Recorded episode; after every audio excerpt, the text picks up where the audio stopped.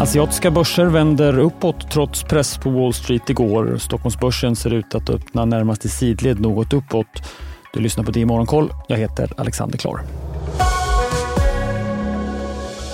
Det är hälsobolag och tech som leder uppgången i Asien. Hongkongbörsen är upp nästan 1 medan börserna i Fastlandskina endast är svagt uppåt och Tokyobörsen marginellt nedåt.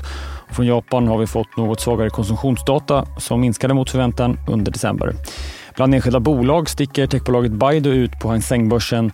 Aktien stiger nästan 20% efter att bolaget sagt att deras AI-chatbot kommer att lanseras i mars. Och igår sa för övrigt även Google att man väldigt snart rullar ut en egen utmanare till ChatGPT som till viss del ägs av Microsoft. Googles AI-bot kommer att heta Bard.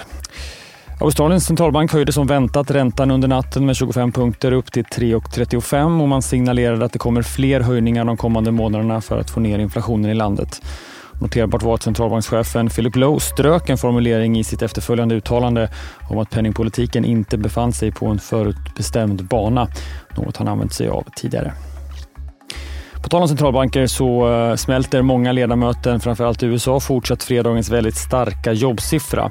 Fed-chefen i Atlanta, Raphael Bostic, sa i en intervju med Bloomberg igår att den amerikanska centralbanken måste agera mer och han utesluter inte en ny höjning med 50 punkter om ekonomin fortsätter att utvecklas starkare än väntat. Det poängterades dock att Bostic ändå står fast vid sin prognos från slutet av fjolåret att räntan toppar vid 5,1 procent i USA och ligger kvar där under hela nästa år. Flera uttalanden från Fed under dagen. Ikväll efter stängning svensk tid kommer Fed-chefen Jerome Powell tala vid Economic Club of Washington. På räntemarknaden har tioåringen klättrat till 3,62 och tvååringen står i 4,43. De stigande räntorna satte press på Wall Street igår. Inte vi är specialister på det vi gör, precis som du. Därför försäkrar vi på Swedea bara småföretag, som ditt. För oss är små företag alltid större än stora och vår företagsförsäkring anpassar sig helt efter firmans förutsättningar. Gå in på swedea.se företag och jämför själv.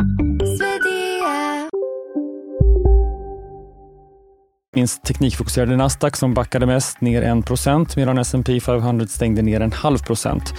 Och efter stängning fick vi flera rapporter som kan färga av sig på Stockholmsbörsen idag. Spelbolagen Activision Blizzard och Take-Two släppte båda siffror. Den förstnämnda var något bättre än väntat, både vad gäller resultat och aktiva användare.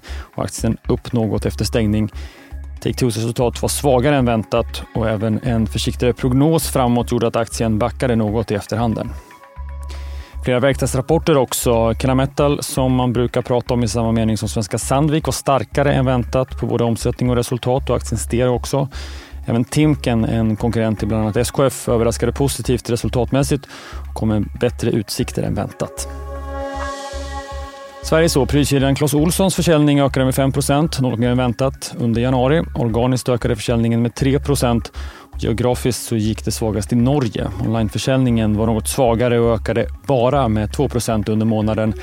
Analytiker hade räknat med drygt 6% Fastighetsbolaget SBBs avknoppning Niobo har godkänts för att börja handlas på First North nu på fredag och kommer bli en av de största renodlade bostadsbolagen på listan. Och kursen i Ovzons riktade nyemission sattes till 44,50 vilket också var stängningskursen efter det kraftiga fallet vi såg igår. Bolaget tillförs 200 miljoner kronor som ska täcka de ökade kostnaderna av förseningarna av uppskjutningen av bolagets satellit som nu kommer att ske i det tredje kvartalet.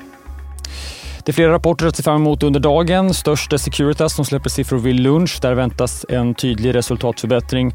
Bland övriga rapporter bland annat Paradox. VD Fredrik Wester intervjuas i dagens Börsmorgon med start kvart i nio. Dessförinnan har vi fått något fallande siffror för tysk industriproduktion om man ska gå på förhandstipset. Och senare under dagen också fler flygsiffror. Norwegian kom ju med dem igår, idag från både SAS och Finnair. Det avslutar Det i Morgonkoll. Jag heter Alexander Klar.